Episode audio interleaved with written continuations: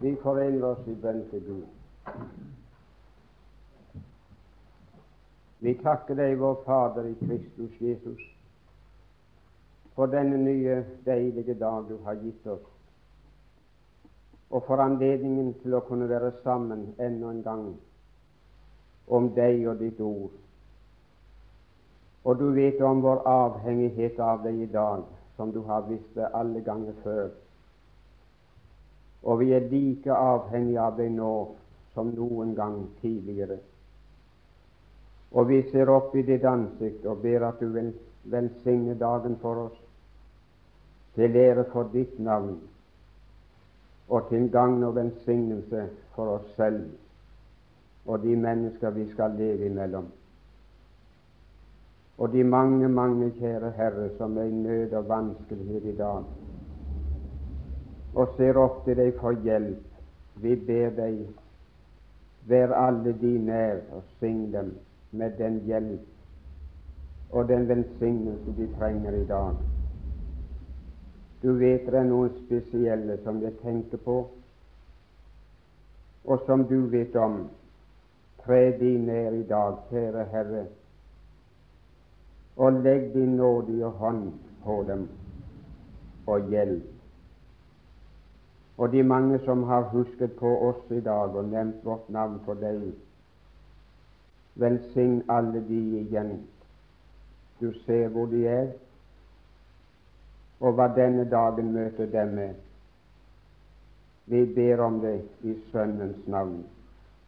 Amen.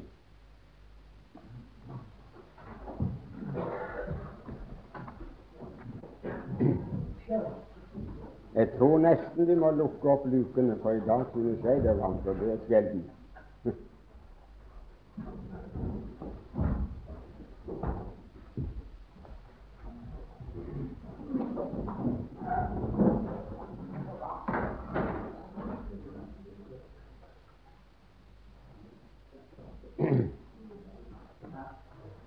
Jeg begynte i går å si noe om følgene av synd. Det å være en synder og det å synde. Og vi kom da på slutten inn på den største og den sværeste av alle følger, nemlig det å gå evig fortapt. Det Jesus med de aller sterkeste ord advarte sine medmennesker imot, og som med ett ord ble kalt for helvete, en evig fortapelse bort fra Guds ansikt. Vi leste en del vers hvor uh, hans uttalelse forekom. Og jeg nevnte til slutt at det er en hel del som er oppmerksom på at Jesus har sagt det. De nekter ikke at han har sagt det. Men de sier han var barn av sin tid og trodde slik som jødene hadde lært ham foreldrene og de skriftlærde. Og så vet vi at biskop Schjelderup han skrev det offentlig og sa det offentlig i sitt angrep på Hallesby at når Jesus trodde på fortapelsen, trodde på evig pine og evig straff, så var det fordi at det hadde han lært av jødene. Og troen på en slik pine, det var noe som hadde en forestilling om evigheten, som hadde sneget seg inn i senjødedommen fra Persia. Så det hadde ingenting med Guds åpenbarelse å gjøre. Og av den grunn så betyr Jesu ord praktisk talt ingenting. Og som jeg siterte i går etter ham, så sa han om Matteus 25, 42 om de som skal gå bort til evig pine, at om det er det bare det å si at det tror jeg ikke på.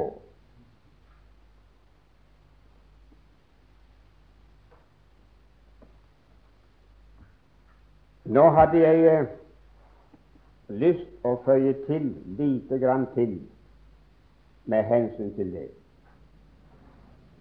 Jeg ser det slik, og kan med min beste vilje ikke se det annerledes, enn at hvis det skulle forholde seg så, og hvis man forkynner menneskene noe slikt, så luller man sjelene i søvn.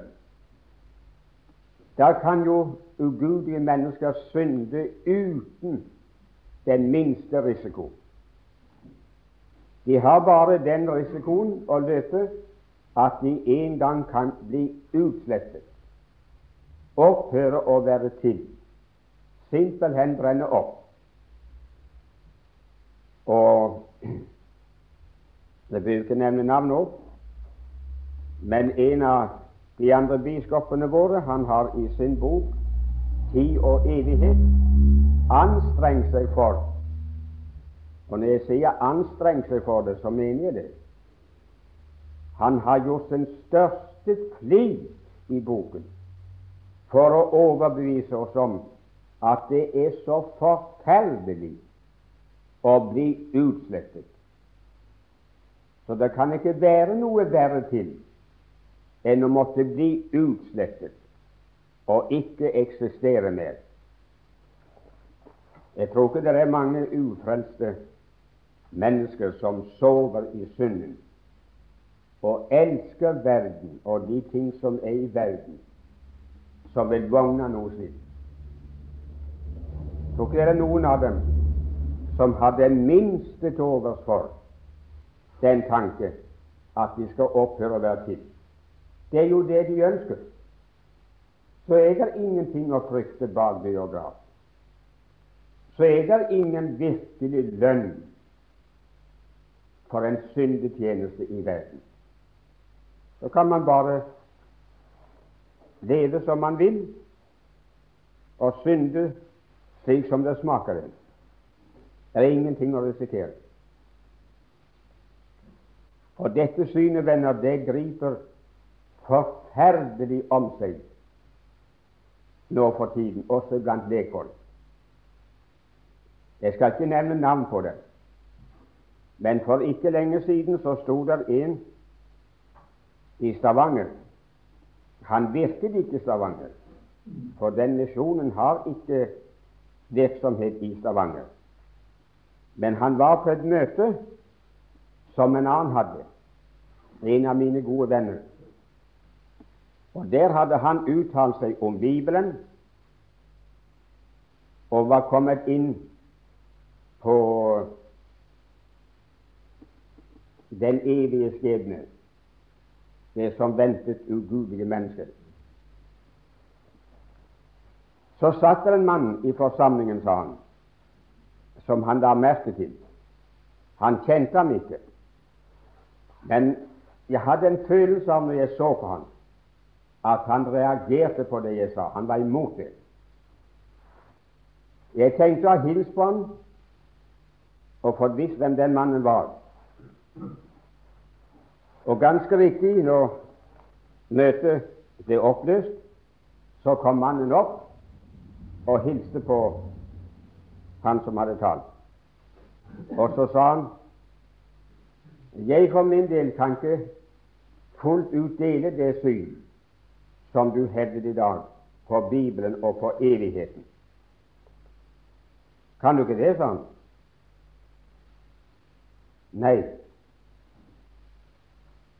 Det er en menneskelig side ved Bibelen og en menneskelig side ved Jesus.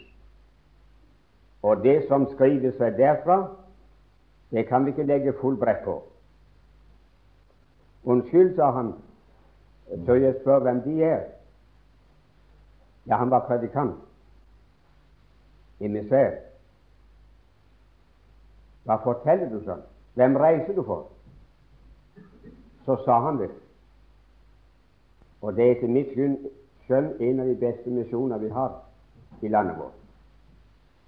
De vil bli forferdet om jeg sa hvem han reiser for. Så sa han, holder du fast ved det, at du ikke tror på Bibelen, at det er bare en del i den som er inspirert, og resten er menneskeord. Og vil du gjenta det, at du ikke tror på en evig fortapelse, og at det ikke er noe helvete Selvfølgelig vil jeg det, sånn, for det er min overbevisning. Vel, han, jeg skal ikke oppta noen diskusjon med det her, men det skal bli avmeldt til styret som du reiser for. Ja, det gjør meg ingenting. Da. Hvorvidt det er blitt damene, det har jeg ikke undersøkt.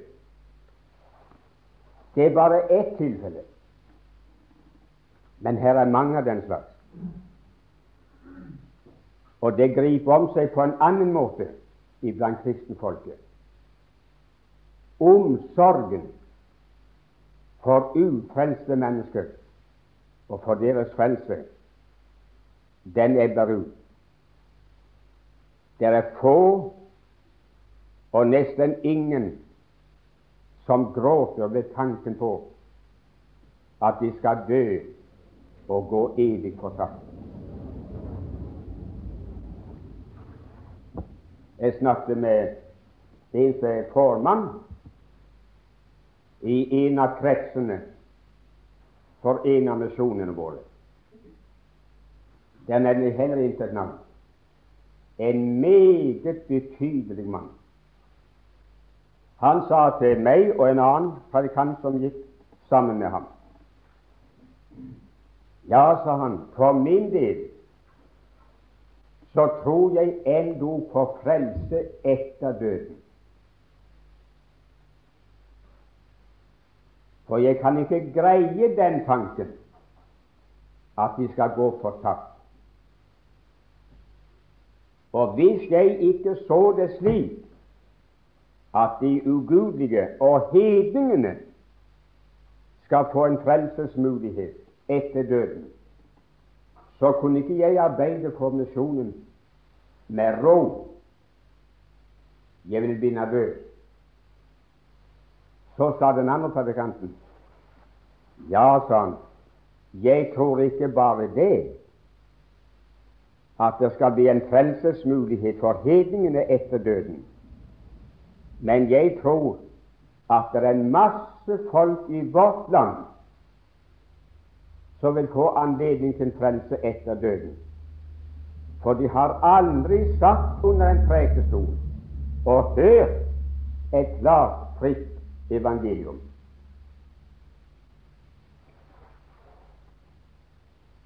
Så langt er vi kommet. Spurgeon han uh, sa en gang han talte til sine studenter om uh, sjelesorg, og nevnte det som en absolutt nødvendighet for den som skal brukes av Gud til sjelers frelse. Og så sa han jeg skal gi dere et godt råd for at dere kan få mer av den omsorgen. Dere skal forsøke iblant å gjøre slik som jeg tror Abraham gjorde da Sodoma og Gomorra var utslettet og gått inn i evigheten. Han gikk hen dagen etter og satt på bergskrenten og så ned over slettene der, de, der hvor de byen hadde lagt. Sett deg hen og forestill deg hvor de menneskene blir hen som dør uten Gud, uten Kristus og uten håp i verden. Og når du ser røken av det for deg, så fødes den omsorgen. Det er den som for en stor del er vekk i dag. Vi ser uomvendte mennesker for oss dag ut og dag inn. Kommer aldri på hvor de skal hen i evigheten. For meg er det som regel nesten en umulighet å sitte og slå på radioen og høre f.eks. på underholdningen og den slags. For jeg, jeg tenkte med en gang Hvor skal du bli hen i evigheten? Der står du og underholder, og de klapper i hendene for deg. Hvor blir du hen når du skal dø? Men hvor mange er det som tenker på slikt når de hører og ser den slags mennesker? Det berører oss ikke. Men den mannen som kjente evigheten, han satt på en fjellskrent overfor Jerusalem og hulkegråt ved tanken på det som skulle komme over dem, fordi de ikke hadde tatt imot ham. Han skulle ha spart seg de tårene dersom han visste det ikke var et alvor bak. Den gangen striden pågikk i avisene i anledning Schjelderup-saken, da han hadde gått til angrep på Hallesby, så fulgte jeg svært nøye med. Og jeg har en svær bunke artikler liggende hjemme, og jeg har sett på dem iblant. Men når jeg leste det som da var skrevet, var det annet to ting jeg særlig tenkte på. Det var flere, men kanskje spesielt de to tingene. Jeg har nevnt det før ved andre anledninger, og jeg tør nevne det igjen. Det første jeg sa du tenkte på, det var dette. Dersom det var slik Nå har jeg notert dette her ordrett ned, og jeg vil vite hva jeg har sagt. Dersom det var slik at Jesus trodde sådan som han var opplært, og ikke visste mer om åndelige ting enn fariseerne og de skriftlærde, hvorfor sa han dem da så ofte imot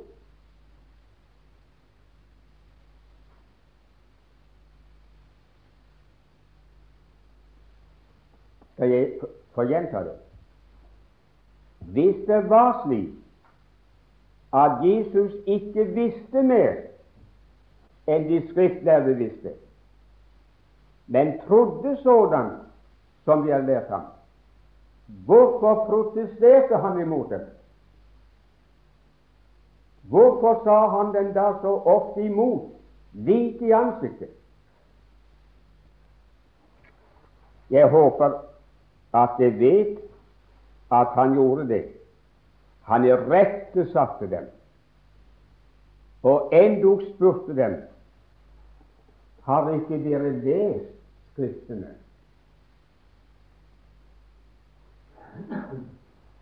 Jeg tror jeg vil ta dere med til noen uh, skriftsteder. Skal vi se litt på det? Nå sier dette her i dag fordi jeg tror at dere som sitter her, tviler på det Jesus har sagt, og på dette om evigheten og fortapelsen. Men jeg snakker om det for at vi kan ha et litt klarere begrep om hva striden i dag står om. Jeg vil først henvise dere til Lukas det andre kapittel. De kan notere sammenhengen ifra vers 39 og til og med 52. Men nå ber jeg dere bare å legge merke til hva som sies i det 46. og 47. vers. I de versene, altså i samtlige, fortelles det om da Jesus var tolv år gammel. Merk, han var ikke eldre.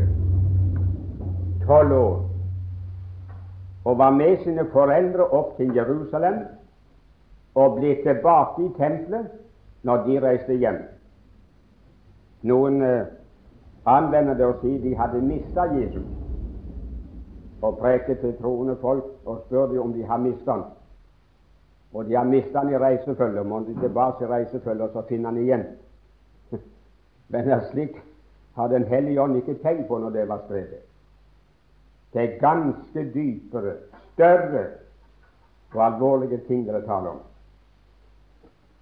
Nå, han var ikke mistet, men han var nøyaktig der hvor han skulle og måtte og burde være.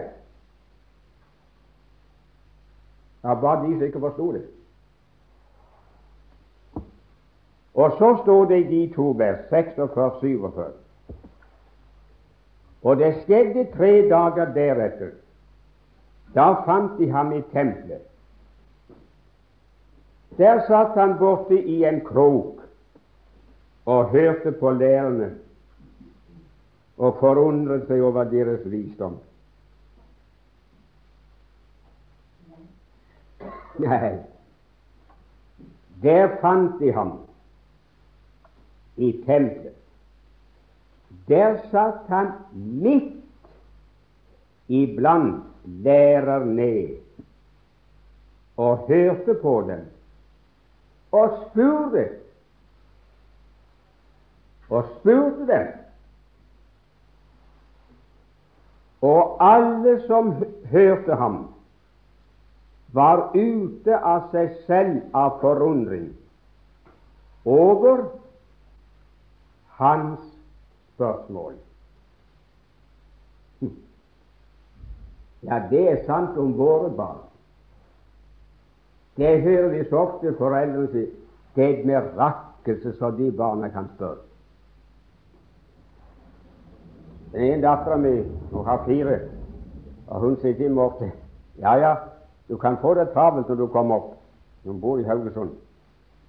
For hvis du kan svare på alt jeg spør om, så er du god. Det går rundt for meg. Og selv ene, det er ufattelig han blir aldri tom og spør om det mest ubegripelige. Så det kan vi forundre oss over. Men det var ingen som forundret seg over Jesus spørsmål. Men det står de var ute av seg selv over hans forstand og svar. Den tolvåring satt midt imellom lærerne og de skriftlærde, og så spurte han dem, og ingen av dem kunne svare. Og så svarte han selv på de spørsmål han selv hadde stilt. Og så var de ute av seg selv av forundring over hans forstand og svar. Kunne han så ha lært det han visste av de lærerne?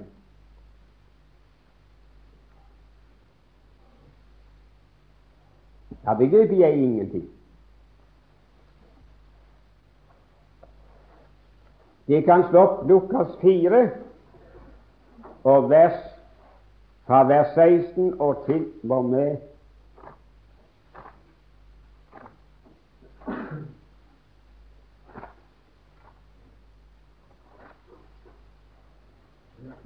vers 16 til og med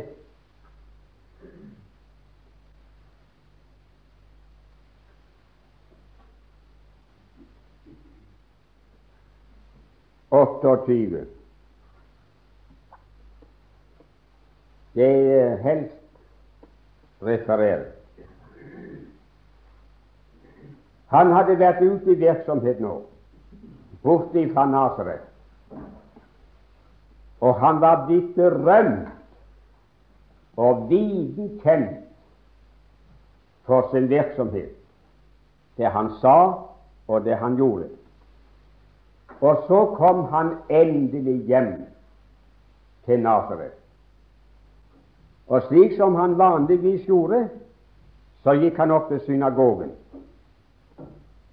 Og da han var kommet der, så står det i vers 16 at han sto opp for å lese for dem.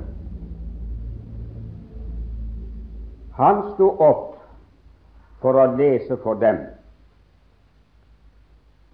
Kan godt hende det var slik at de skulle vise sin bys barn, som var blitt så berømt, så meget honnør, så meget ære, at de oppfordret ham til å lese for seg den dagen.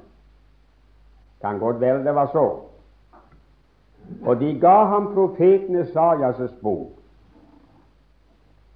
Og da han slo boken opp, fant han Han lette altså etter et bestemt ord. Og så fant han det sted hvor det var skrevet 'Herrens ånd er over meg, fordi Han har salvet meg til å forkynne evangeliet for fattige'. Han har sendt meg for å forkynne fanger at de skal få frihet, og blinde at de skal få syn, for å sette undertrykt i frihet, for å forkynne et velbehagelig år fra Herren. Og han lukket boken og ga den til tjeneren og satte seg, og alle, alle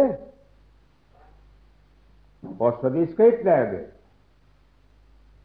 alle som var i synagogen, hadde sine øyne festet på ham. Hvorfor? For nå hadde det hendt noe som aldri hadde hendt før i synagogen. Og det som hadde hendt, var at han brøt av midt i et vers, midt i sammenhengen. De var vant med, når de begynte å lese et slikt avsnitt, så leste de hele avsnittet igjennom. Nå leste han fra Isaias 61,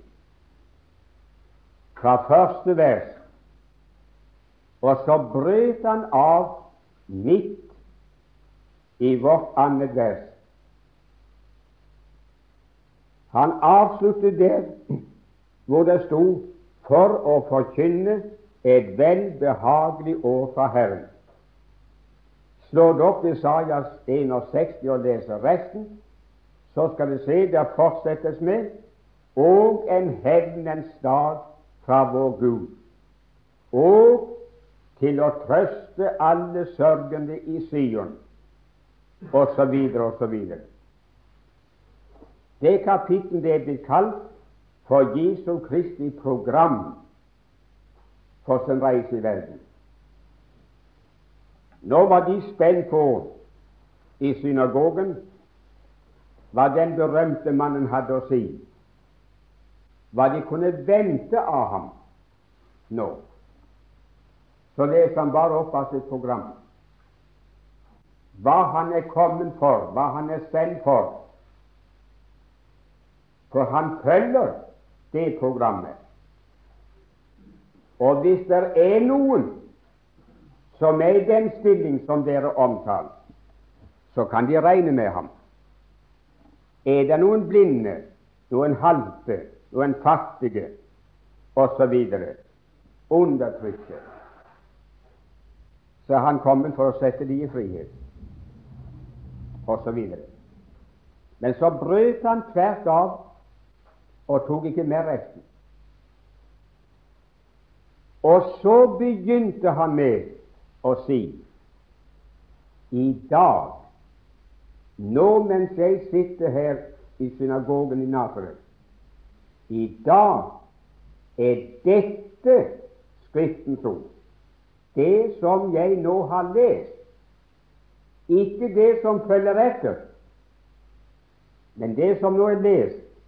I dag er dette Skriftens ord blitt oppfylt for eders øyne. Og så står det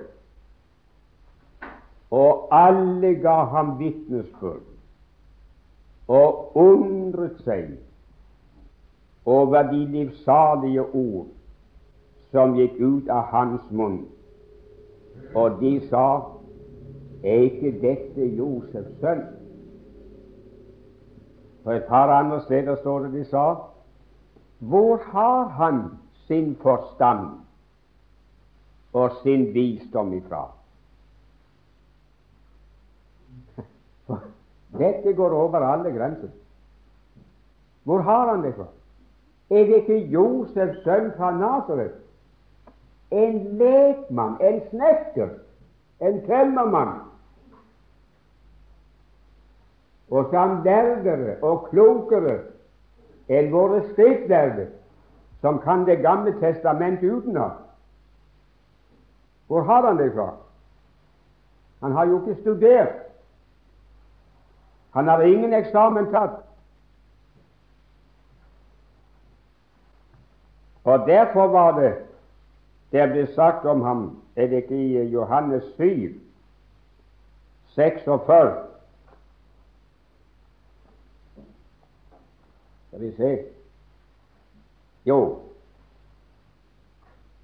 de hadde, vært, de hadde sendt ut eh, de skriftlærde fra seg noen tjenere, noen soldater, som skulle vokte på ham og muligens kunne fange ham i ord og føre ham tilbake som fange. Så kom de tilbake. Tjenerne kom da til ypperste presten og fariseerne, og disse sa til dem, Hvorfor har de ikke ført ham hit? Det er jo den ordre de fikk. De skulle gripe ham, og så komme her med ham. Og nå kommer de igjen alene. Tjenerne svarte, Aldri har noe menneske talt således som denne mann. Og så sier biskop Skjeldrup en lærd og en biskop at Jesus hadde sin viten ifra de. Og så sa han, og så talte han det så de hadde lært ham. Men han samtidig, når de hørte ham, sa det har aldri vært noe menneske som har talt sådan som han. Og så blir de så lamslått at de er tilbake alene. Hvor hadde han sin visdom fra? Kan hende vi kan ta med Matteus 21. Hvordan er med klokka, mon? Å jo.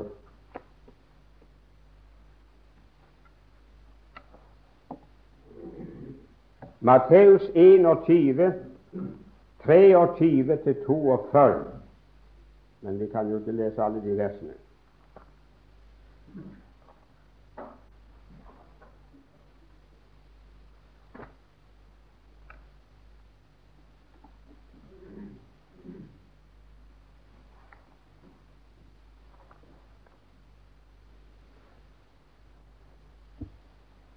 Der var han kommet inn i tempelet og lærte der. Og da gikk yppersteprestene og folkets eldste til ham og sa med hva myndighet, med hva autoritet gjør du dette? Og hvem har gitt deg denne myndighet? Jesus svarte til dem. Og så jeg vil spørre eder om en ting. Sier I meg det, da skal også jeg si eder med hva myndighet jeg gjør dette. Johannes står. Hvorfra var den? Fra himmelen eller fra mennesket? Da tenkte de ved seg selv og sa det var farlige greier. Sier vi fra himmelen, så sier han til oss. Hvorfor trodde de ham da ikke? Men sier vi fra mennesker, da frykter vi for folket. For alle holder Johannes en profet. De svarte da Jesus og sa, vi vet det ikke. Stakkar. Da sa han, da sa også han til dem, så sier heller ikke jeg eder med hva myndighet jeg gjør dette. Ja, så står det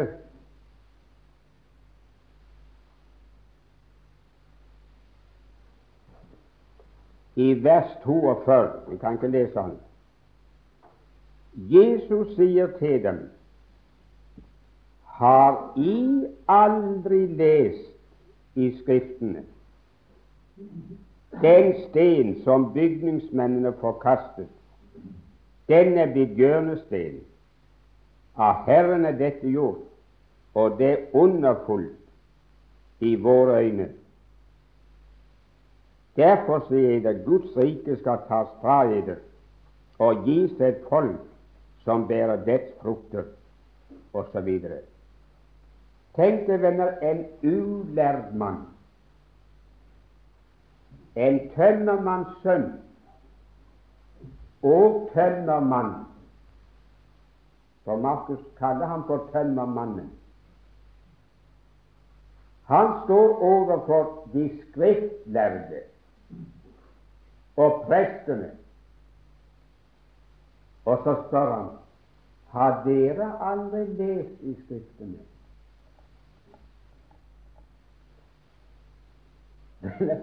De var så uvitende om det han forkynte og lærte folket, at det forekom ham som de aldri hadde lest i Skriftene.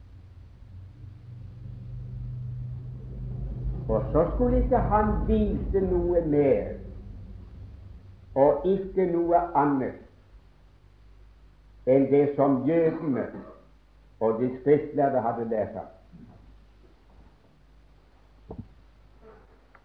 Det er meg ufattelig at vi kan få slike ord over munnen og skrive det ned på papir.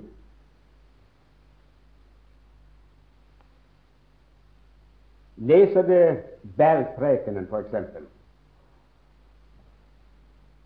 så husker det at gang på gang så sa han dere har hørt Dere har hørt at dere sagt til de gamle så og så. Men jeg sier dere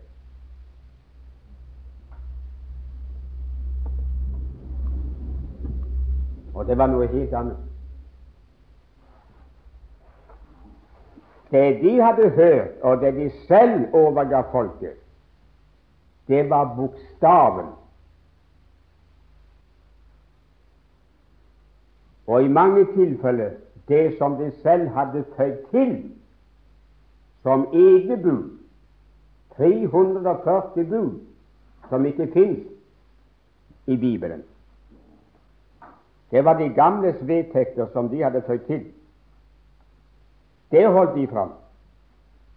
Men når han talte, så han tvers igjennom bokstavene og stilte dem ansikt til ansikt med det som var bokstavenes ånd og innerste mening. når det gjaldt sabbatsbudet og forskriftene angående det, så brøt han dem midt for nesen på dem. Gikk til bords uten å vaske hendene, for eksempel. Og de ble rasende. Og det hadde han lært sine disipler også til. Og så kom de. Hvorfor vasker ikke disiplene dine føttene sine og hendene før de går til bords?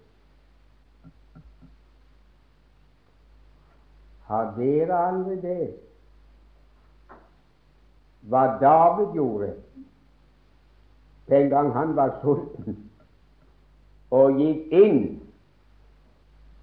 i helligdommen og spiste skuebrød.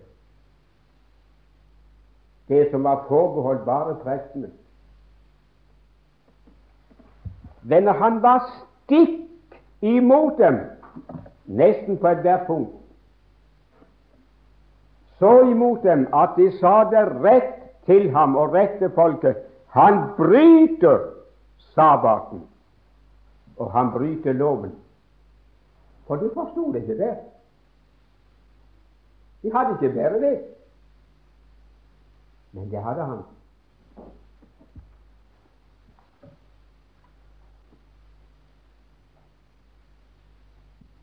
Ja, det var det første jeg satt og tenkte på når jeg leste alt det der. Men så var det en annen ting.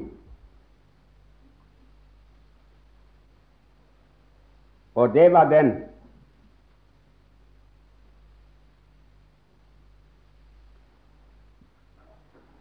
Det var i grunnen for galt, sørgelig, at Jesus skulle ha blitt født og stige inn i verden så tidlig. På et tidspunkt da menneskene var så lite opplyst. Det var nå han burde ha steg inn. For nå kunne han ha tatt et semester ved et universitet, ved et teologisk fakultet,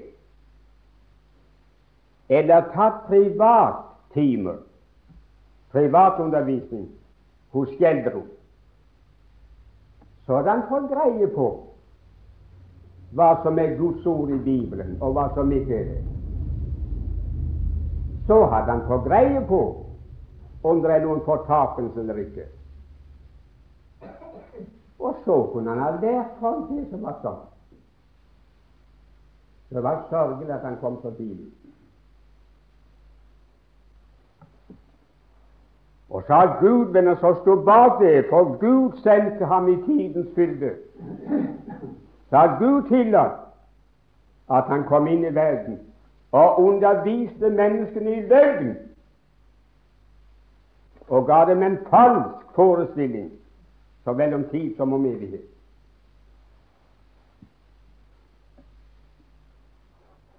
Ja, ja, jeg er forberedt på at noen av dere vil synes dette er, dette er ironi. Jeg kan gå med på det. Men hva kan jeg anvende enn å tale ironisk om slike ting? Når en av våre lærde menn Ja, det er mer enn han. Og det er Kirkens høyeste embete gir oss inntrykk av at han og de andre vet mer om evige ting enn Guds egen sønn.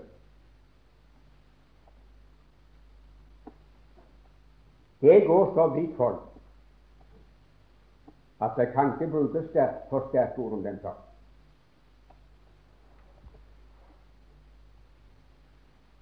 Og nå skal jeg ikke si mer om det. Men det blir en rettsom stund. når alle de skal få oppleve og se at Nasaræren hadde rett.